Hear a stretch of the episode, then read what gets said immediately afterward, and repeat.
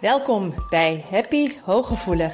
Mijn naam is Marian van der Werf en in deze podcast wil ik je inspireren om voluit van het leven te genieten. Wil je ook leren hoe je vanuit je innerlijke kracht en gevoeligheid met minder inspanning meer geluk kunt ervaren? Heb je zin om positief, energiek en vrij van onzekerheid en angst door het leven te gaan? Dan is deze podcast voor jou bedoeld.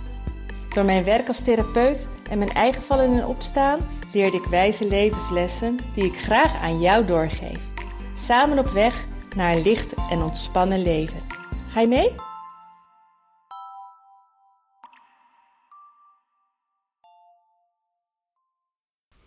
Hey, wat fijn dat je er weer bent en wat leuk dat je weer luistert naar de Happy Hooggevoelig podcast. Het onderwerp van vandaag is de angst voor de afwijzing en teleurstelling. En opnieuw is dit een onderwerp wat ik niet zomaar uh, uit de lucht grijp, maar wat heel bewust gekozen is omdat superveel hooggevoelige mensen deze angst met zich meedragen. Hij ontstaat vaak al vroeg omdat je voelt dat je anders bent. En niet alleen omdat je voelt dat je anders bent, maar ook dat er vaak tegen jou gezegd wordt dat je anders bent. Of dat je reacties krijgt op je anders zijn. als je heel erg klein bent, heb je dat helemaal niet in de gaten. Maar er komt een moment dat jij meer bewust wordt van je omgeving. Dat je je bewust wordt van hoe je ouders op jou reageren. Dat je je bewust wordt hoe vriendjes en vriendinnetjes, leerkrachten, opa's en oma's, noem maar op. Hoe mensen op jou reageren. En als je dan niet helemaal conform de grote groep je gedraagt of je persoonlijkheid wijkt af, dan bestaat er kans dat je er niet bij hoort. En dat kan heel groot zijn. Hè? Je kan echt recht in je gezicht een afwijzing krijgen van niet mee mogen doen. Uh, dat er tegen je gezegd wordt: je past niet bij ons of je bent anders dan ons. Kinderen zijn vaak heel erg hard. Kan ook subtiel zijn dat er tegen je gezegd wordt: doe eens wat spontaner, doe eens wat meer lachen. Um, wees niet zo'n drama queen. Het, het, zijn in wezen zijn het ook, ook overtuigingen of, of dingen die tegen je gezegd worden waar ik het vaker over heb. Maar die kunnen er wel toe leiden dat je dat het zo hard binnenkomt bij jou dat het zoveel pijn doet dat je er alles aan gaat doen om die angst, om, om die pijn niet meer te voelen. Het kan ook zijn ehm, als je je eerste vriendje hebt en het gaat uit. Bij mij was het, ik was, ik was vrij jong wel, dat ik, uh, dat ik dan graag verkering wilde. En ik kan me nog herinneren dat ik dan uh, één dag met iemand verkering had en daar heel trots op was en blij mee was. En de dag daarna maakte hij het alweer uit, omdat hij het alleen maar had gedaan voor de fun of zo. En ik weet nog dat dat me zo super onzeker maakte. En uh, dat ik daardoor continu bezig ging met um, hoe een ander wilde dat ik was. En dat werd alleen maar erger naarmate ik ouder werd. En het was in de context van vriendjes, maar het was ook in de context dat ik uh, dat mijn ouders wel regelmatig zeiden dat ik wispelturig was, dat ik lastig was. En dat ik daarom ook me op een gegeven moment eerst weerstand er tegen heb gehad en tegen mijn kont in de krib heb gegooid. Maar er is een moment gekomen dat ik me steeds meer ben gaan aanpassen conform de verwachtingen van de omgeving.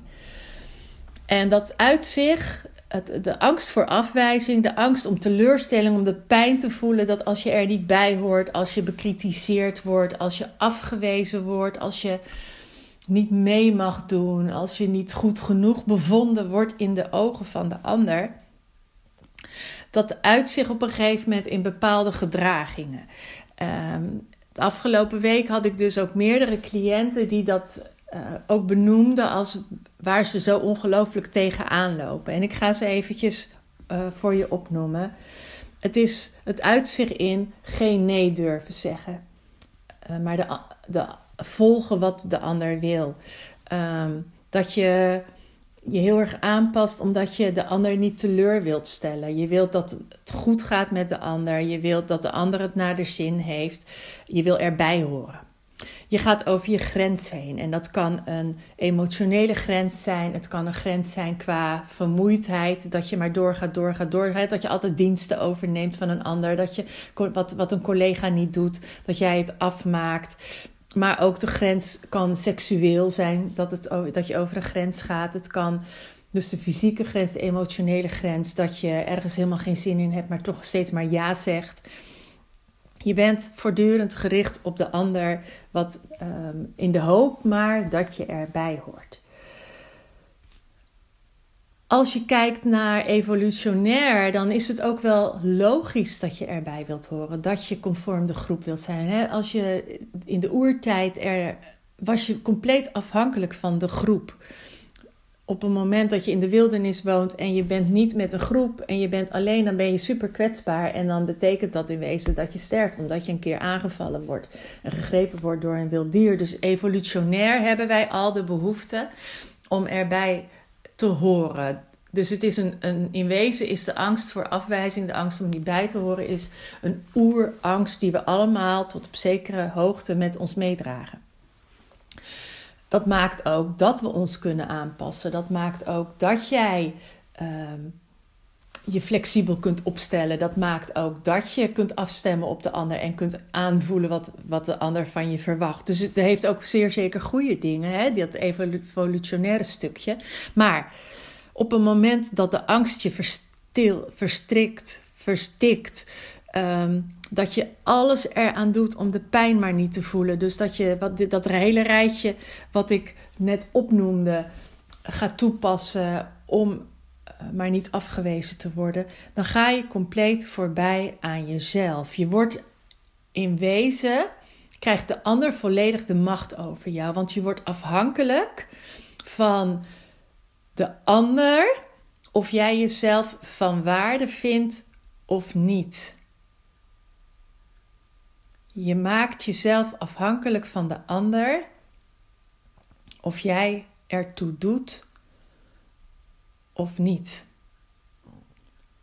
En daarmee breng je jezelf in een hele, hele kwetsbare, bijna onmogelijke positie. En geloof me, ik ken hem.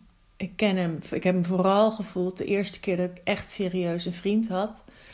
Dat ik zo achteraf denk van jee, dat ik dat allemaal heb toegelaten, dat hij me zo behandelde, dat ik me aan alles eigenlijk voelde van dit is niet oké, dit is niet oké, dit is niet goed voor mij, dit is niet een normale gezonde relatie, een relatie hoort zo niet te zijn, maar dat ik maar doorging om uh, krampachtig vast te houden om maar niet die pijn van de afwijzing te voelen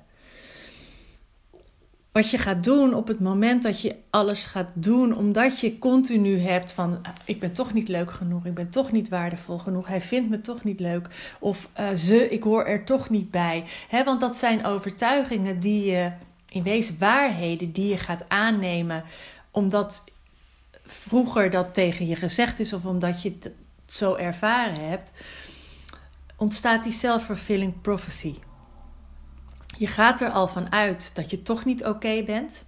Je gaat er al van uit omdat je je eigenlijk van binnen niet meer oké vindt. Je gaat ervan uit dat je toch wel afgewezen zult worden, dat er ergens iets mis moet gaan. Want dat is al zo vaak gebeurd. En daardoor ga je je op een onechte manier gedragen. Je komt in een lage energiefrequentie, angst, onzekerheid. Ehm, dat is, dat is gewoon een hele lage energiefrequentie, waarmee de kans ook vele malen groter is dat het daadwerkelijk gebeurt. Maar het is ook super lastig om daar iets aan te doen. Ik herinner me nog dat ik een jaar of 13, 14 was. En ehm, als ik nu naar mezelf kijk op foto's, dacht ik: Jee, Marjan, wat was je een leuke meid. Maar toen had ik dat echt niet in de gaten. En ik was een paar keer dus op de basisschool dat ik niet mee mocht spelen. Of dat ze me niet zo leuk vonden. Of dat die jongens hè, dan voor de grap eigenlijk een dagverkering met mij wel wilden. Ehm, ik was best heel onzeker. Ook, ook in mijn kunnen. Uh, van jongs af aan natuurlijk ook al anders gevoeld. En ehm, dan was ik met mijn vriendinnen. En dan had ik chance met jongens. En dan vond ik een jongen leuk. En in de eerste instantie was ik heel erg spontaan. En dan hadden we lol en dan hadden we schik. En dan kwam er een moment dat ik me besefte van... hé, hey, ik vind hem leuk. Hoe zou die mij vinden? En dan ging ik opletten. En dan raakte ik helemaal gefocust op van nou, ik zal toch wel niet leuk genoeg zijn. En dan gingen me ineens allerlei dingen opvallen. Dat uh, hij leuk tegen mijn vriendinnen deed. En dat hij uh, bij mijn vriendin bepaalde grapjes wel maakte en bij mij niet. En dan veranderde ik zo. Dan werd ik een soort nukkig, dan werd ik jaloers, dan werd ik onzeker. En eigenlijk de hele persoonlijkheid die ik had, die viel weg omdat ik omdat die angst toeschoot van ik zal wel niet goed genoeg zijn, hij zal me toch wel niet leuk vinden. Met als gevolg uiteindelijk dat ze me ook niet zo leuk meer vonden, omdat ik me gewoon heel raar ging gedragen. En toen had ik niet door wat ik aan het doen was. Pas veel later kreeg ik in de gaten, en dat is heel veel later, want toen had ik ook al een paar uh, echt serieuze relaties en mijn huwelijk zelfs al achter de rug en de tweede relatie, dat, ik, dat het kwartje bij mij viel van, vanuit onzekerheid, vanuit de angst om niet meer goed genoeg zijn, vanuit de angst om afgewezen te worden, dat de relatie beëindigt, ga ik me op een dusdanige onechte manier gedragen dat ik mezelf niet meer ben. Dat ik alleen maar bezig ben hoe wil de ander dat ik me gedraag. En dan word ik niet afgewezen. Toen werd ik niet afgewezen door de ander, maar ik was degene die mijzelf afwees. En dat was best een schok. Maar ook de shift. En hier ben ik ook met een paar cliënten al over in gesprek gegaan van als jij iedere keer bang bent om afgewezen te worden, omdat je diep van binnen jezelf niet oké vindt, is de ander niet degene die jou in eerste instantie afwijst en pijn doet, maar jij bent degene die jezelf afwijst. Want jij vindt jezelf niet oké. En daarom ga je ervan uit dat een ander jou wel zal afwijzen. Maar de ander kan jou nooit zoveel pijn doen als dat jij jezelf al pijn doet op dat moment dat jij je niet oké vindt. En omdat je jezelf al niet oké vindt, doet die bevestiging die de ander dan op dat moment geeft, omdat jij zo'n ander persoon laat zien dan dat je daadwerkelijk bent, geeft je extra weer de bevestiging. Maar wat zou er gebeuren als je je niet richt op de ander? Maar wat zou er gebeuren als jij eens gaat kijken hoe mooi jij zelf bent? En wat voor toegevoegde waarde jij wel niet bent voor een ander? En hoe de ander wel niet in de handen zou mogen klappen met jou als persoon?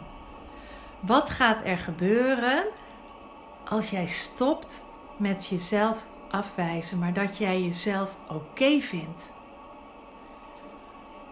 Ook al heb je uitspattingen, ook al heb je, ben je overprikkeld, ook al ben je anders dan de ander, ben je, komt de informatie harder binnen, ehm, heb je meer tijd nodig om tot rust te komen, ben je graag alleen, ben je stil, ben je verlegen, whatever. Jij bent altijd oké. Je bent altijd al oké geweest en je zult ook altijd oké blijven. Je zult altijd oké zijn. En hoe mooi is dat als jij dat zelf gaat zien? Vandaag zei ik tegen iemand, zoals ze voor het eerst, ik zie jouw potentie, ik zie jouw kracht. Tuurlijk zie ik ook de tranen en de onzekerheid, maar daarachter, daaronder zie ik de schoonheid, de, de, de, wat, wat ze is, wie ze, wie ze is. In hè, dat hele zijnstuk zie ik gewoon, zodra iemand binnenkomt, en ik voel het er ook onder. En dat geeft dan zoveel vertrouwen voor mij van, oh, hier, hey, met haar wil ik samenwerken, met haar wil ik, ik wil dat zij dat ook gaat voelen en ervaren. En dan heb ik er ook de volste vertrouwen in dat ons dat gaat lukken. Ga stoppen met jezelf nog langer af te wijzen. Geef niet meer die macht aan een ander voor dat je de bevestiging van de ander nodig hebt dat je oké bent. Want je bent al oké. Je bent al heel, je bent al volmaakt, je bent al perfect, want zo ben je geboren. En op het moment dat jij ter wereld kwam, vanuit je, inner, hè, vanuit je, van je niet-fysieke situatie naar je fysieke situatie, was jij al oké. En dat is je basis. En als je dat gaat omarmen en als je loskomt, je losweekt, eigenlijk achter je laat wat je bent gaan geloven, dat andere mensen jou hebben afgewezen om je zijn, zegt niets over jou, maar dat zegt iets over hun beperking en hun niet niet oordeelloos naar een ander kunnen kijken. En natuurlijk, kleine kinderen die, die zijn soms heel erg hard. En grote mensen hebben hun eigen issues en hun dubbele agenda en hun verwachtingen van hoe hun kinderen het, het, het liefst moeten zijn. En de ene ouder die kan er heel flexibel mee omgaan en die. Uh, heeft, heeft minder verwachtingen, een heel ander verwachtingspatroon. Maar er zijn ook ouders die hebben gewoon een vrij standaard verwachtingspatroon van hoe hun kind conform een bepaalde ja, verwachting, idee zou moeten zijn. En als je dan afwijkt, ja, dan vinden zij jou daarin niet oké. Maar dat is iets van hen. En ik vertel jou nu dat dat helemaal niets over jou zegt. Jij bent oké. En wat gebeurt er als jij dat gaat omarmen? Wat gebeurt er als jij jezelf onwijs serieus gaat nemen in hoe je bent, wie je bent. Want dan hoef je niet meer jezelf te verstikken, dan hoef je niet meer jezelf te beperken. Want op het moment dat jij continu die angst voelt, dan durf je geen stappen te zetten, dan durf je niet te groeien, dan durf je niet in de actiemodus te gaan, dan durf je geen relaties aan te gaan, dan durf je je niet in je volle glorie te laten zien, je durft geen eigen bedrijf te starten, je durft niet naar je werkgever te stappen en te zeggen van hier ben ik en ik wil, ik wil een promotie bijvoorbeeld. En dan doe je jezelf onwijs tekort. En keer op keer op keer op keer wijs je jezelf dan in wezen af omdat je niet laat zien wie jij daadwerkelijk bent.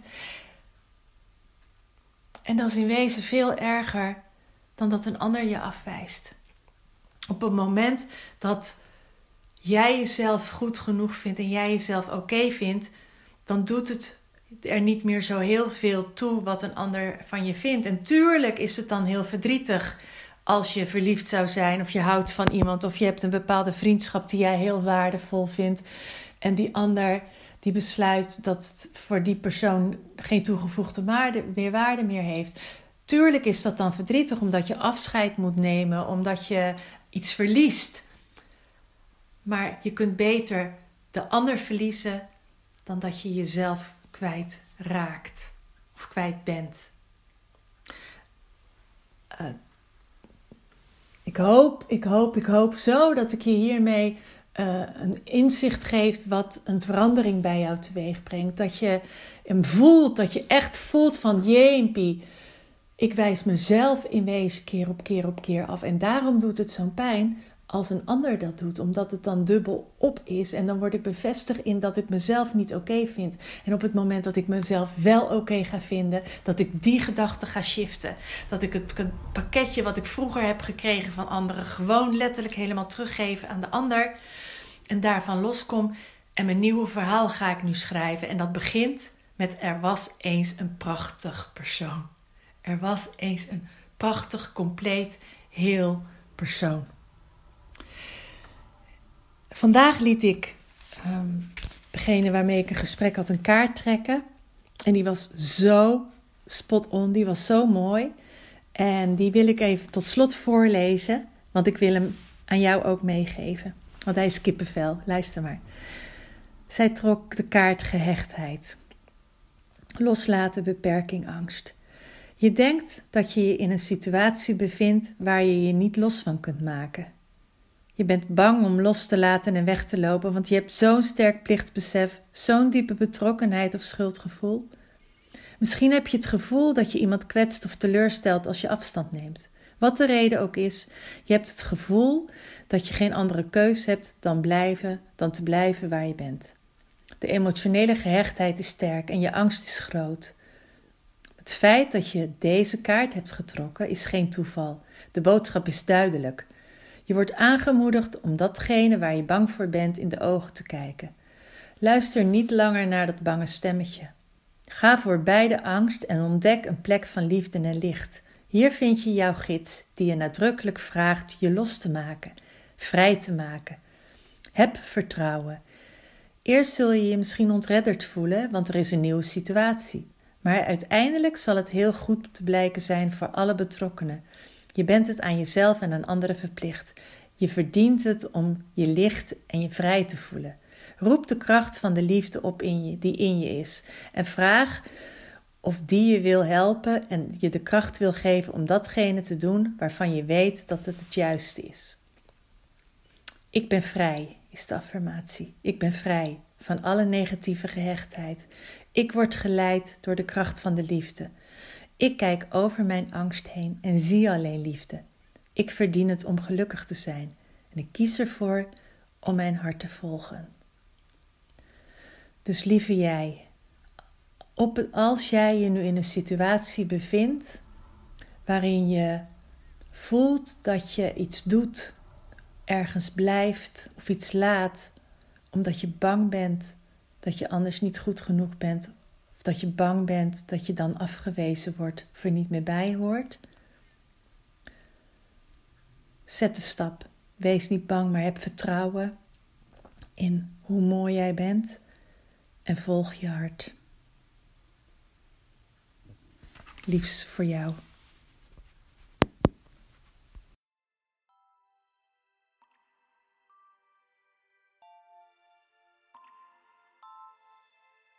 Dank dat je luisterde naar Happy Hooggevoelig. Heeft deze podcast je nieuwe inzichten gegeven? Je doet me groot plezier met een recensie op Apple Podcast. Je kunt je natuurlijk ook abonneren op dit kanaal in jouw favoriete podcast-app. Want elke week staat er een nieuwe aflevering voor jou klaar. En wil je nu zelf aan de slag en meer lichtheid ervaren? En sta je open voor nieuwe inzichten en verandering? Neem dan vooral eens een kijkje op mijn website www.zienswijs.nl. Daar help ik je graag nog verder. Zie ik je daar?